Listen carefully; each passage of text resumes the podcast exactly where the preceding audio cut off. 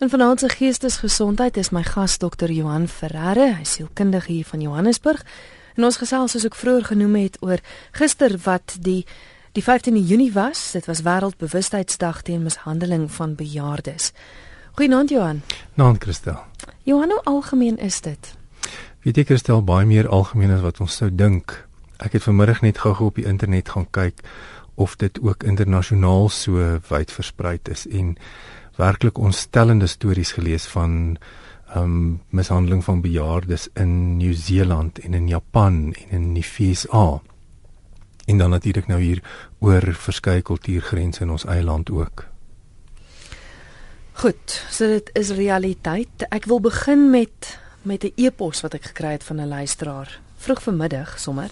En ek moet sê dit ja, dit ek dink dit stel nou weer 'n ander sy, maar laat ek lees. Dis anoniem wat dit stuur wat sê ek glo daarin dat dit wat jy 'n kind wat jy in 'n kind se lewe saai, sal jy ook in jou ou dag oes. Liefde en onvoorwaardelike aanvaarding sal uiteraard 'n liefdevolle verhouding tot gevolg hê.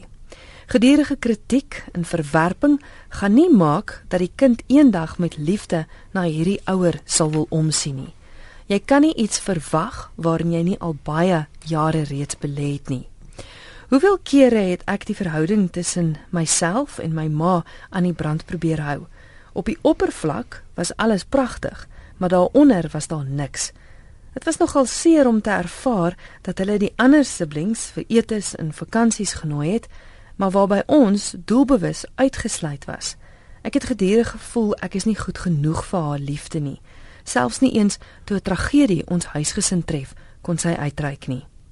Toe raak hulle oud en ons word beskuldig dat ons nie vir hulle omgee nie. Eindelik was dit die waarheid. Ek het nie meer omgegee nie. Sy het geoes wat sy gesaai het en dit het nie meer saak gemaak nie. En daarom vertel ek vir my kinders dat ek hulle liefhet. Ek gee aandag, volkomme aandag. Ek is betrokke by hulle lewens en nie net op 'n afstand nie. Wat die een ontvang het, het die ander gekry en ek haat 'n agterbakse voortrekkery met 'n passie. Nou is hulle al oorlede en dit was meer verligting as hartseer. Inteendeel, ek voel niks. Nou die luisteraar is nie iemand wat haar ouer mishandel het nie, maar daar is beskuldigings rondgegooi wat sê dat hulle dit nie omgegee nie. Ek weet jy het vir die begin van die program het jy ook gesê daar's altyd twee kante aan 'n storie.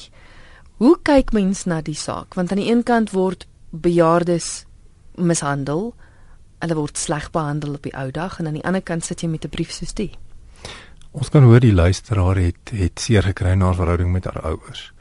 Dit moet on, ons moet duidelik onderskei dat dit nou nie mishandeling is as jy nie met jou ouer oor die weg kom nie. Verwaarlosing is natuurlik nou 'n ander saak. Om ouers nie te versorg nie, om die oues in ons gemeenskap nie te versorg nie. Dit word baie keer ook gesien as um jy weet as mishandeling dat hulle net nie kry wat hulle wat hulle nodig het nie. Die wet op ouer persone kyk spesifiek daarna dat die omstandighede waarin ouer mense leef draaglik moet wees dat hulle iets het om te eet, dat hulle 'n plek het om te bly. Die emosionele pyn wat hierdie luisteraar in haar e-pos uitgestort het, dink ek gaan daaroor oor 'n verhouding wat nie gewerk het nie. Dit klink my sy het baie hard probeer, hmm. maar vir een of ander rede het daai verhoudingsdinamika tussen haar en haar ma of sy en sy pa natuurlik nou nie uitgewerk nie. En dit klink my daar's moontlik 'n klein bietjie skuldgevoelens dat hulle dalk meer kon doen dalk van die ma se kant af, dalk van die kinders se kant af. Dit bly maar 'n baie komplekse um, verhouding, die verhouding tussen ouer en kind. Lyk my dit sommer die eerste Imbeller, RSG goeienaand. Goeienaand, hoe gaan dit met jou? Goed en jy, is dit Pat? Ja, dis hy. Uh ek wil net sê ek was op 'n stadium toe ek my huis verkoop en my my pensioen uitbetaal en alles was ek 'n ryk man. Ek het my koek in 4 gedeel, my drie kinders het elkeen hulle kwart gekry en ek het 'n kwart vir myself gehou. Ek het daai kwart in Piek Wes belê. Wat te danke aan John Marcus gevries is vir 5 jaar en ons kry amper niks daarvoor. Dis amper 'n verlore saak.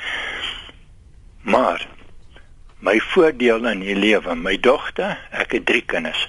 My dogter is in Australië, My een seun is in Nieu-Seeland en my jongste seun bly in Western Area en ek het vir my 'n 'n granny flat gebou op die property hierso. Nou. Omdat ek so te sê alles verloor het te danke aan Piek West se belegging. Ek weet nie jy weet daarvan, maar dis dis net 'n verlore saak. Het my seun vir my gesê dad it's payback time. Van nou af bly jy in die woonstel. Jy betaal nie rent jy betaal nie ligte en water jy betaal nie vir jou aandete saam met ons jy betaal nie vir was en strykgoed payback time jy betaal niks in die toekoms solank so wat jy leef bly jy daarso en alle onkoste is vry nou ek ek dink ek is een van die baie besondere uh, gelukkige mense wat so iemand in my lewe het. En Pat, sou jy sê dis omdat jy jou kinders behandel het op 'n goeie manier toe hulle klein was en groot geword het en dit is waarom hulle dit nou vir jou doen. Dit is presies wat hy sê, dad, payback time. Mm. Ons het nooit honger gaan slaap. Ons het nooit gelapte broeke van bure kinders gekry. Ons was nooit uit die skool gejaag omdat ons skoolfonds nie betaal het.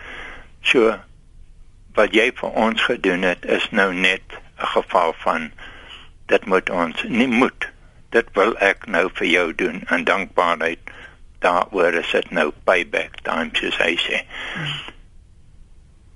Dankie vir die bel Pat Geluk dankie Christel gaan julle goed Dankie Ons het nog 'n oproep RSG goeienaand Hi ehm um, ek wil so graag ek wil sê oor hierdie ehm um, uh kwessie waaroor ons nou praat. Seker jy's op lig. Hallo? Jy's op die lug, jy kan ek, gesels. Okay. Hallo? Ja, ons luister. O, oh, okay.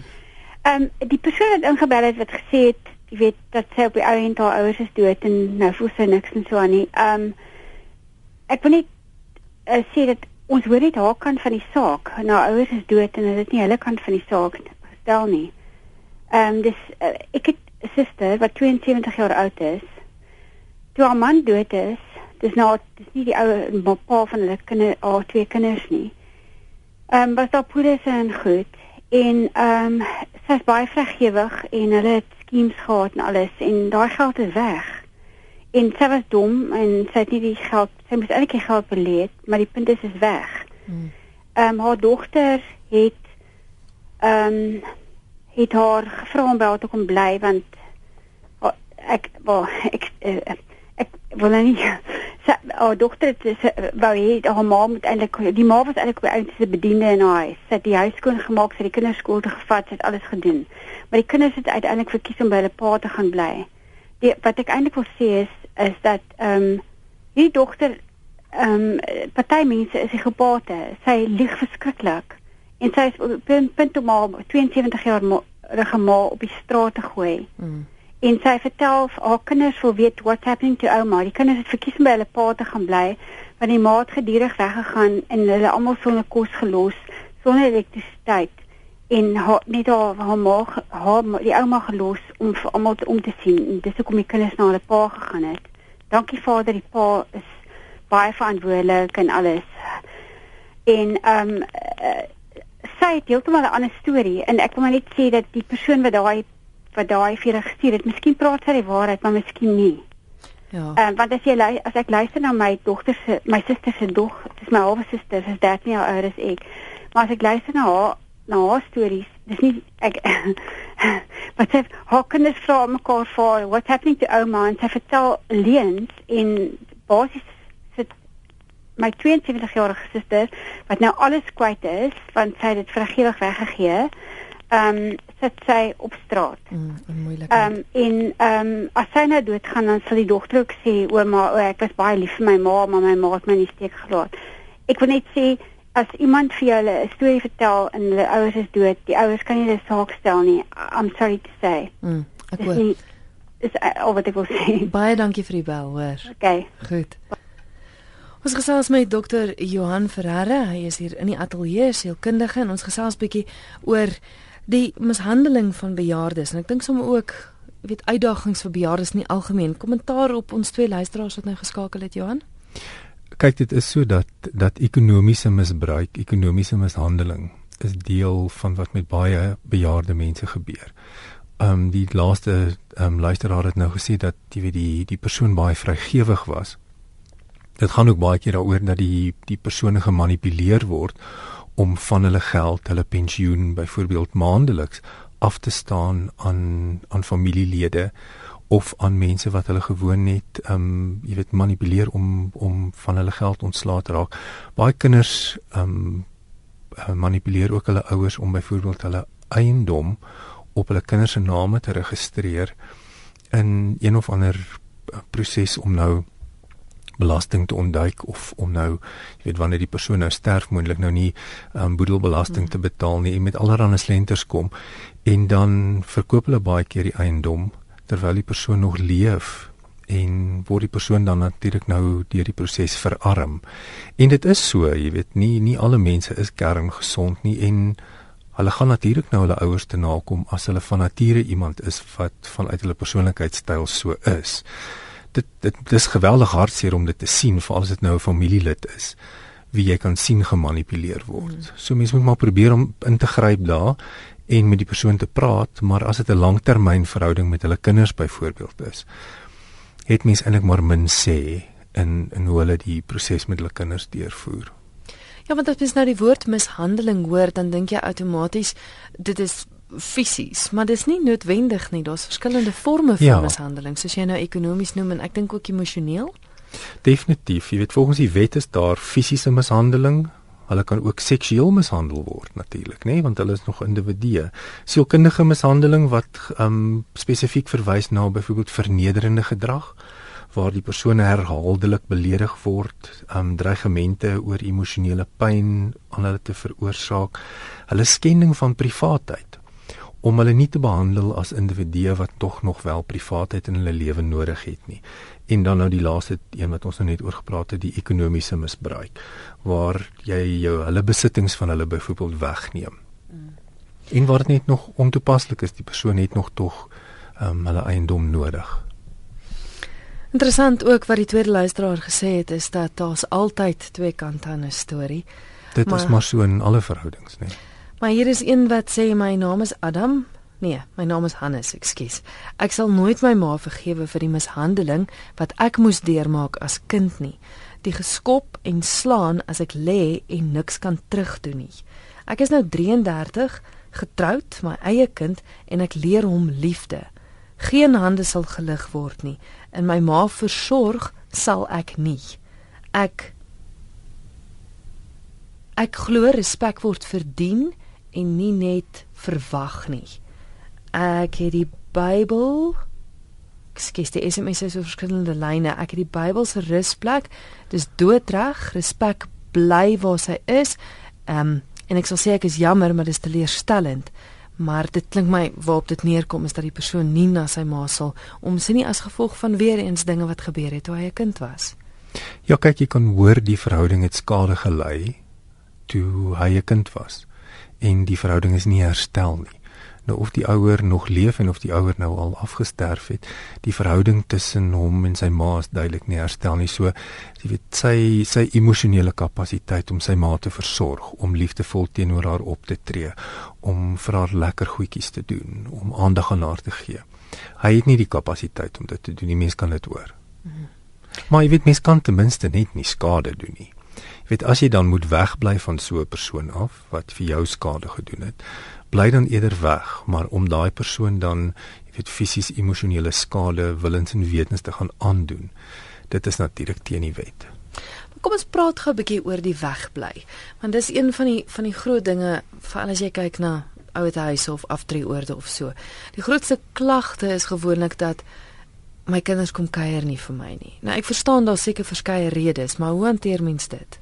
Kyk vir eensaming is seker sekerlik een van die top 5 probleme waarmee bejaardes sit. Dat dat hulle kinders, hulle kleinkinders, hulle familielede net nie meer kom kuier nie en dat van hulle vriende dan nou afsterf. So hulle is geweldig eensaam.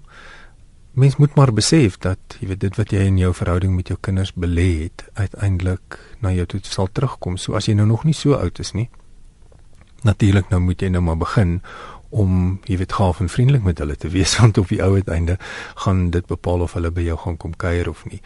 Ons leef in 'n geweldige besige wêreld waar mense nie noodwendig die tyd het om gereeld by hulle ouers uit te kom nie. Jy weet of hulle woon ver van hulle ouers af en dit maak dit net soveel moeiliker. Maar om dan 'n verbintenis te maak aan jouself, jou eie waardestelsel wat vir jou sê dat jou ouer nou die afhanklike in jou lewe geword het. Mm. Ongelooflik belangrik om dit te onthou. En dan natuurlik nou maar, jy weet, is nou vandag jeugdag, maar ons praat oor bejaardes. Die jeug wat vanaand luister, moet tog nou net almal onthou, hulle gaan nie waarskynlik almal bejaardes word. So ons kan nie leef asof ons nooit eendag gaan oud wees nie. Daai verantwoordelikheidsin moet ons tog maar ontwikkel. Maar dit gebeur tog ook dat jy ouers het wat alles vir hulle kinders gedoen het, wat vir hulle liefde gegee het, hulle met respek behandel het, maar dat daai kinders dan nog steeds terugdraai en sê maar ek wil niks met my ouers te doen hê nie. Dit gebeur ook, né? Dit gebeur definitief. Jy weet, dit is maar 'n persoonlike besluit wat mense neem. Ja, maar wat doen jy dan? Want ek meen jy kan nie dan as ouer gaan en sê o, ek het dit en dit en dit verkeerd gedoen nie, want jy weet jy moontlik jou alles gegee. As as jy weet dat jy 'n goeie ouer was en dat jy binne jou vermoëns die beste gedoen het wat jy kon gedoen het en jou kinders kom kuier regtig nou nie glad nie meer vir jou nie. Dan uit die aard van die saak is dit natuurlik nou dis dis verskriklik. Jy weet hoe verduidelik jy dit aan jouself? Ehm um, das das min wat ons daarin kan doen, maar natuurlik gebeur dit. Daar dis maar persoonlike keuses daai. Kan mens dit probeer uitsorteer met jou kinders? ek kommunikasie is nou mos maar die grondslag van enige verhouding. So as daar so iets in jou verhouding is met jou kinders of in jou verhouding met jou bejaarde ouer, asseblief praat daaroor. Sorg dat jy die die struikelblokke in die verhouding uitklaar. Daar sit soveel mense in my spreekkamer wat wie se spyt te laat kom. Hulle is so geweldig, geweldig jammer na hulle oues reeds afgesterf het vir die goed wat hulle nie gedoen het nie. Die kere wat jy nie gaan kuier nie die kere wat jy nie die moeite gedoen het om om net gaaf te wees nie. So as jy nog tyd het, neem maar die neem maar die tyd, doen maar die moeite, um, gaan kuier maar 'n ekstra keertjie. Sal nooit sal dit sal nooit verlore wees nie. Mm. Die nommer om te skakel 0891104553. RSG, goeienaand. Goeienaand, Christel, dis dan wat praat. Ja. Ag, ek wil net vir jou sê as my my my moeder en vader lewe nog. My moeder is 71, my vader is 81. Maar ek het eintlik nou op 'n punt gekom dat uh jy weet ek bly in Rodepoort, hulle bly in Trigestort. Ek het uh op 'n punt gekom dat hulle nie meer na hulle self kon kyk nie. Ek het my suster se man is oorlede 2 jaar terug. Ek het daar genaal, ek het daar by my moeder gesit, by my moeder en my vader gesit. Sy sien om na hulle. Ons is vier kinders. Ek is al een wat finansiëel bydra na my ouers toe. Alhoewel almal afgerig is op my, gen my niks nie vir die vir my tipe lewe wat ek lei. Want ek het nie tyd vir nonsens in my lewe nie. En by my is dit ding reg of hy's nie reg nie. Ek het laat my suster by my ma gaan bly. Sy moet na haar kyk. Ongeag wat hulle my gedoen het, dit maak nie saak nie. Die die terugbetaling kom ons nie toe nie. Dit is in Jesus se hande. En Jesus sê uitdruklik: "Eer jou vader en jou moeder, sodat jou dae vir jou verleng mag word." Hy sê nie betaal terug nie, want die betaling kom ons nie toe nie. Ek luister op die radio verder. Baie dankie. Jong hierdie luisteraar klink vir my na raakvatter as hy sy probleem sien dan sorteer sy dit uit. Dis wonderlik. Um ons moet maar onthou dat mense se persoonlikheidstyl meeste van hulle goed in hulle lewe beïnvloed. So, jy weet iemand wat van nature maar meer teruggetrokke is en stadiger reageer op goed gaan ook dan nou stadiger reageer wanneer dit nou by die versorging van hulle ouers kom. So as mens van nature iemand is wat vinnige besluit neem en en die vermoë het om oplossings te kan vind, dan gaan jy sekerlik dit nou ook so kan doen. Maar die die die tema wat ek gehoor het is een wat ek gereeld hoor en dit is dat dat een van die kinders die finansiële versorging waarneem en dat die res nie hulle kant bring nie.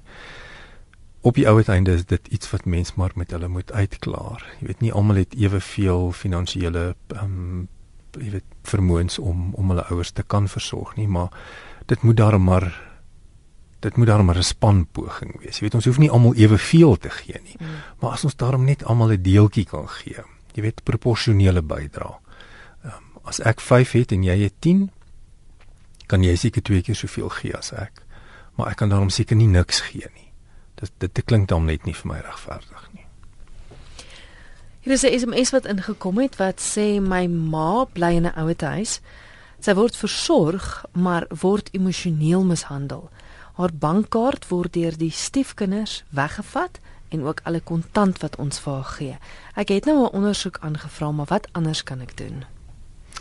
Joh, dit is 'n baie moeilike situasie. Mens kan nie regtig die verantwoordelikheid daarvoor afskuif op die personeel wat daar moet versorg nie.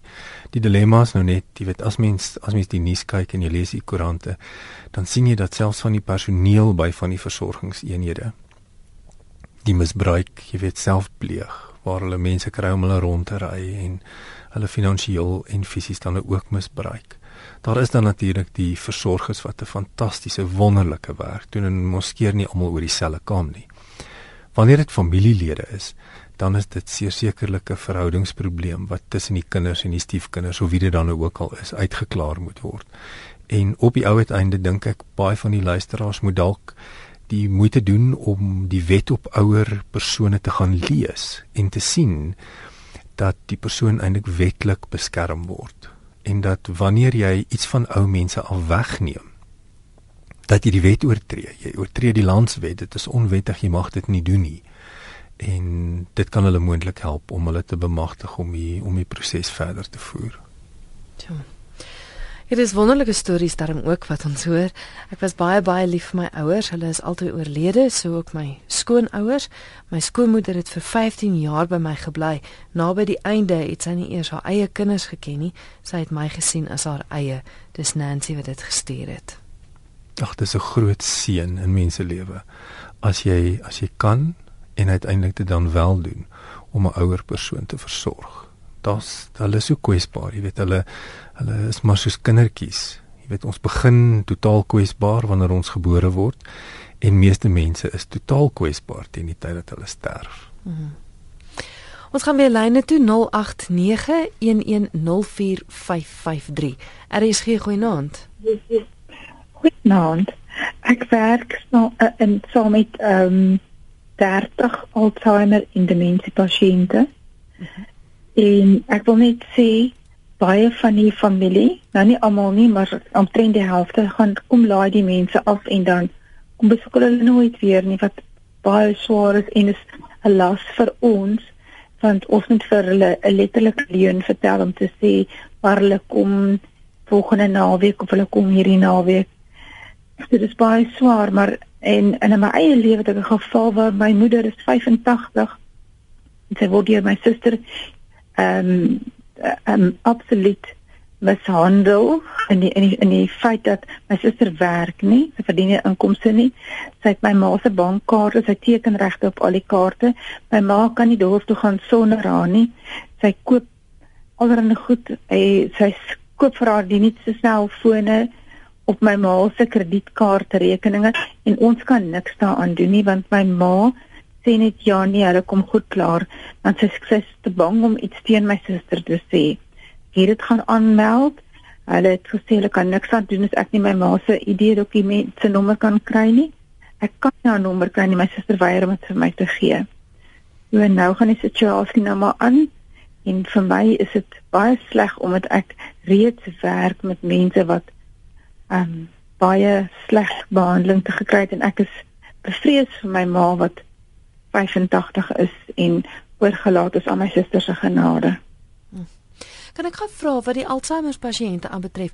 Dink jy die kinders doen dit meer om hulle net te los omdat hulle Alzheimer het en dink ag hulle weet in elk geval nie ek is daar nie?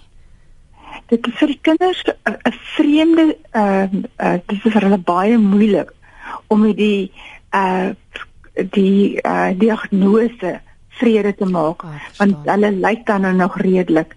En soos wat die en dit en ek sien baie van hulle sien dit as 'n skande want ouma het nou demensie, ouma uh, piep nou ewe skielik in haar broek en ouma eet die se vet in via neus in die tafeldoek af.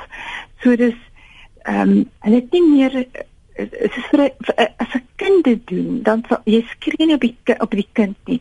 Jy sal sê kom mamma help jou. Maar hier is dit jou ma en dit is swaar vir die kind om uh sy is uh, ek het gesien dat hulle is kwaier met die ouer. En die ouer kan dit nie help nie want die ouer se brein weet nie wat hy doen nie. Mm. Die brein gaan terug na die dinge wat hy kan onthou van jare terug. So dit is ehm um, ehm um, die ander is net dood eenvoudig net nie die geduld om met hulle te werk nie. Maar dan moet ek ook sê wat vreemd is, ehm um, ons is drie groot ouete huise hier in Mosselbaai en dan is hier uh, die die spesifieke ene wat vir Alzheimer en demensie is. Maar die die groot normale ouete huise kan ek maar aan uh, aan ehm um, teken sien waar die meer normale uh, bejaarde persone is Hulle word letterlik afgelaai, sit in hulle kamertjies en sien niemand nie. Hmm. Ek het daar gaan besoek, dit is 'n plek om dood te gaan. As jy by ons kom, dan is dit wonderlik en ons lag en ons gesels en ons maak kappies. By ons is dit 'n plek waar ons nog lewe. Dis en ek is baie dankbaar want om dit te sien. Ons is van die enigste plekke dink ek in Suid-Afrika waar dit wel so gaan. Ja, wonderlik. Baie dankie vir die bel en sterkte. Baie dankie. Ja, is nou eintlik twee stories van haar kant af want sy sit met die uitdagings by die werk, maar ook met haar eie persoonlike uitdagings. Ja, jy kan hoor dat die die persoonlike uitdaging haar geweldig hmm. frustreer en geweldig kwesbaar laat voel. Die die werk wat sy doen natuurlik, jy weet van onskatbare waarde. Ehm um, mens moet maar geroep wees om dit te doen. Dit kom nie van self nie die die uitdagings met met Alzheimer demensie pasiënte is is baie spesifiek. Wat sy aangeraak het is dat daar soveel meer inligting daaroor moet beskikbaar wees vir kinders wie se ouers self daarmee sukkel. Dit is nie iets wat onmoontlik is nie. Dit het net dit het net 'n baie spesifieke uitdaging wat dit in jou lewe inbring want die gedrag gaan stelselmatig agteruit en dit help nie mense skwaad vir hulle of raas met hulle nie dit is nou maar iets wat jy gaan moet aanvaar dat hierdie nou die proses is wat ek met die persoon sal moet stap. Ons kyk gou nou nog 'n SMS wat gekom het van 'n jong luisteraar wat sê goeienaand, ek is nou 23 manlik. Ek en my pa het nie die pa-seun verhouding nie. Hy was nooit daar nie. Hy het in my kinderjare in Johannesburg gewerk. Hy het al om verskoning gevra. Steeds is hy nie daar soos hy moet wees nie. Al probeer ek hoe hard ook hy as hy nie daar was vir my as kind nie, moet ek daar wees vir hom in sy ou dag. Jy sal nou myself moet besluit.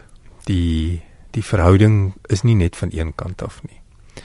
Ons weet nou nie of die die luisteraar se pa die vermoë het om 'n verhouding reg te kan hê nie.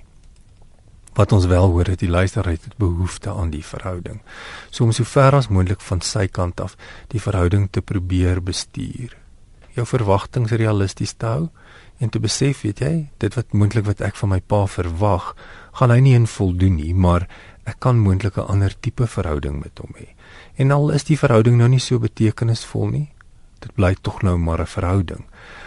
Maar om jou pa nou te wil straf, gaan jy op die ou einde net jouself straf.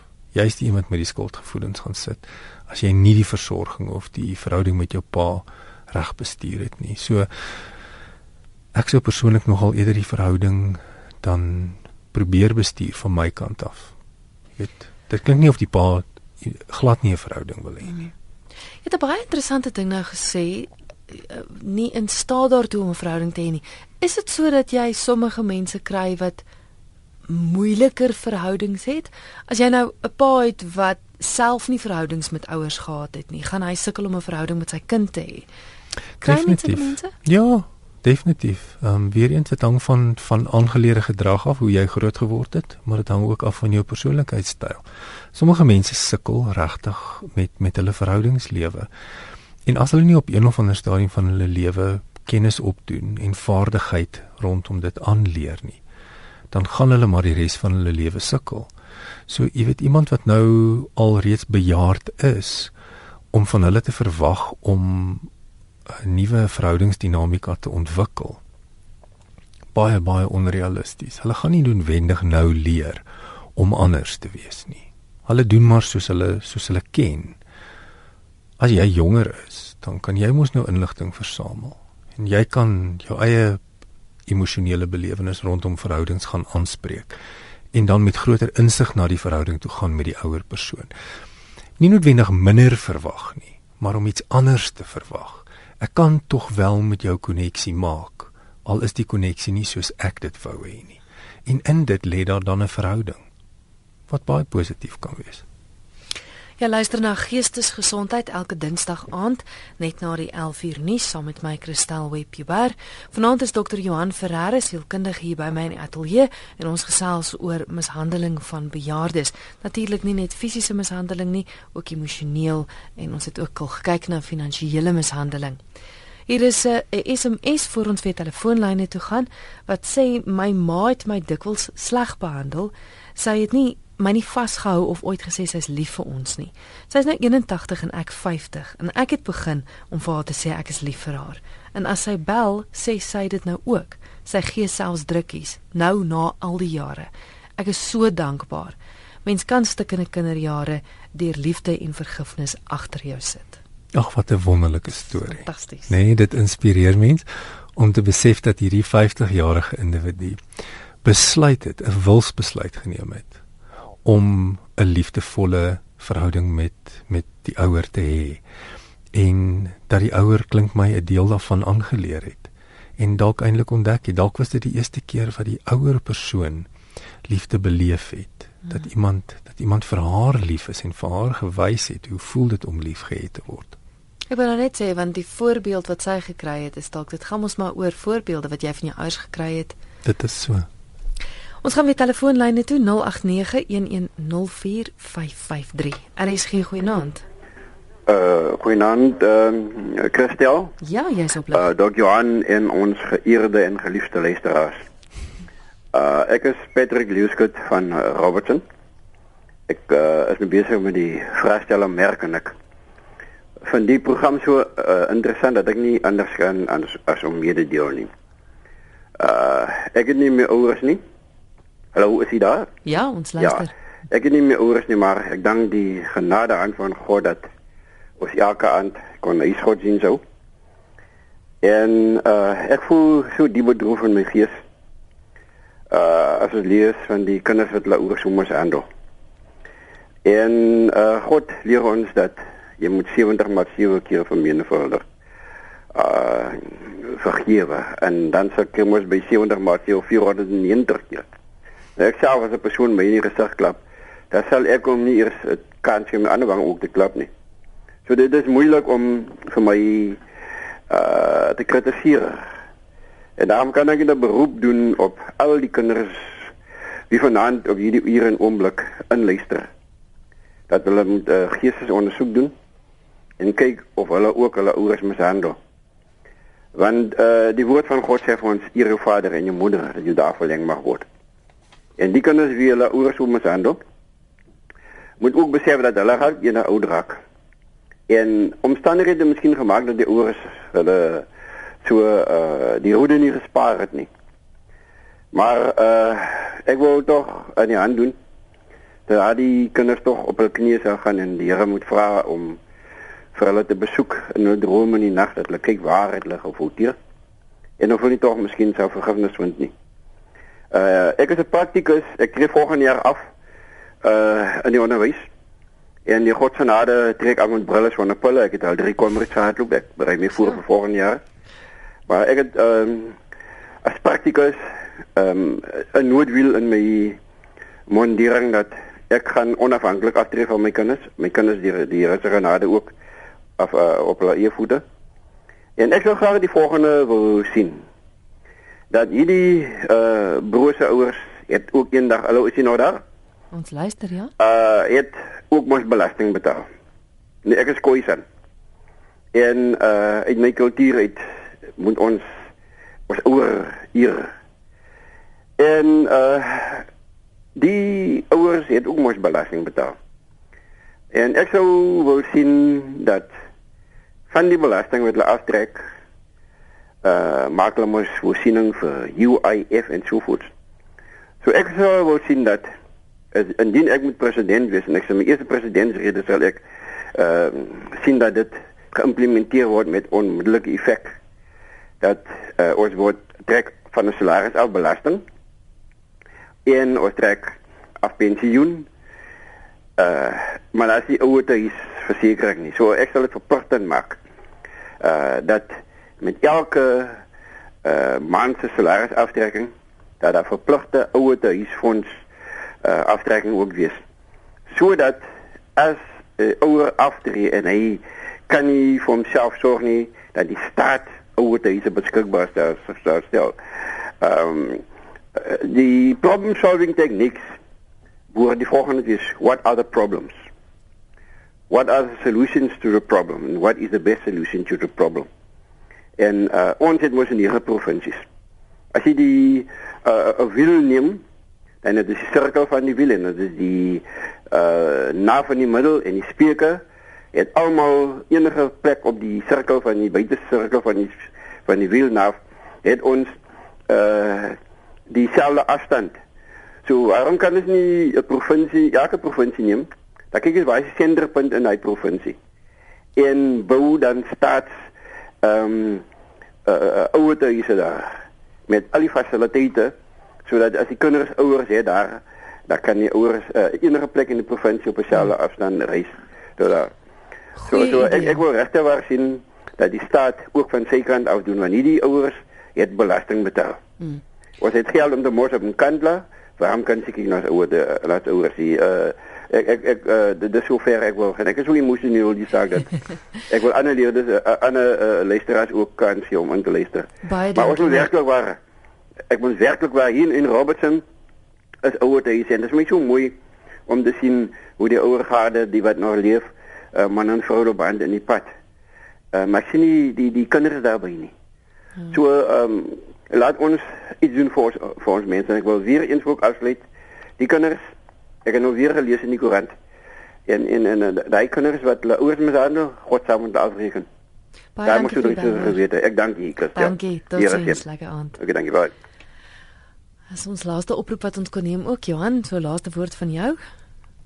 Ja, ons kan hoor dat mense 'n emosionele reaksie op hierdie onderwerp het. Jy kan ook hoor dat dat hoe ouer ons word, hoe nader word die realiteit van van bejaardheid vir ons almal mm -hmm. en ek weet ek voel soms skuldig dat ons nie, jy weet, vroeër in ons lewe gedink het aan mense wat ouer is nie. En ek dink dis dalk iets wat ons kan doen is om 'n bewustheid te skep by jonger mense dat die die ontwikkelingsfase van bejaardheid kom baie vinniger op mens af as wat jy ooit kan dink. Jy weet, tyd gaan so gou verby en jy gaan jou oë twee keer knip en dan gaan jy ook 'n bejaarde wees. So om maar te besluit hoe jy jou lewe wil lei en wat jy die inhoud daarvan wil hê, of dit nou in jou verhoudings is en of dit in jou finansies is en of dit in jou emosionele belewenis is, kyk maar na jou gesondheid so ver as wat jy kan, want dit is maar iets wat redelik vinnig op ons afkom. Hmm, en ek dink ook net om te besef dat hulle bly nog steeds mense, daar's nog steeds menswaardigheid waarmee jy hulle moet behandel. So of asof mense die idee het van ag, dis nou verby en klaar. Ek dink die luisteraar wat gesê het vandaan Mosselbaai ook. Die ou mense gaan ouer te huis toe om daar te gaan doodgaan. En en ek dink om anders daaroor te dink ook en te besef dat dit hoef nie die einde van jou lewe te wees die dag as jy jou voete daarin sit nie. Definitief nie. Daar is tog sekerlik 'n hele groep mense wat oor die oor die wêreld leef wat bejaard is, maar wat ryk en betekenisvolle lewens lei. Ek dink dit het ook daarmee met die individu te doen. Hmm. Dat as jy dat as jy kies om in jou bejaardheid tog nog 'n interessante, vol lewe te leef. Ek dink dit dit is 'n moontlikheid, beslis. Johan baie dankie vir die gesels. Kan luisteraars jou kontak? Hulle kan gerus, hulle kan vir my e-pos stuur by johanf@mosaik.com. Dankie vir die gesels. Dankie.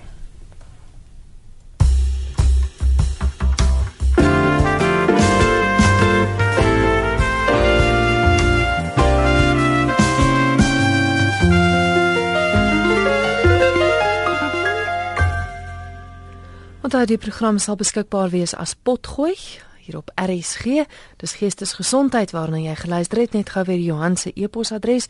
Hy's Johan F, skieretjie F by mosaik.com. M O S A I E K.com.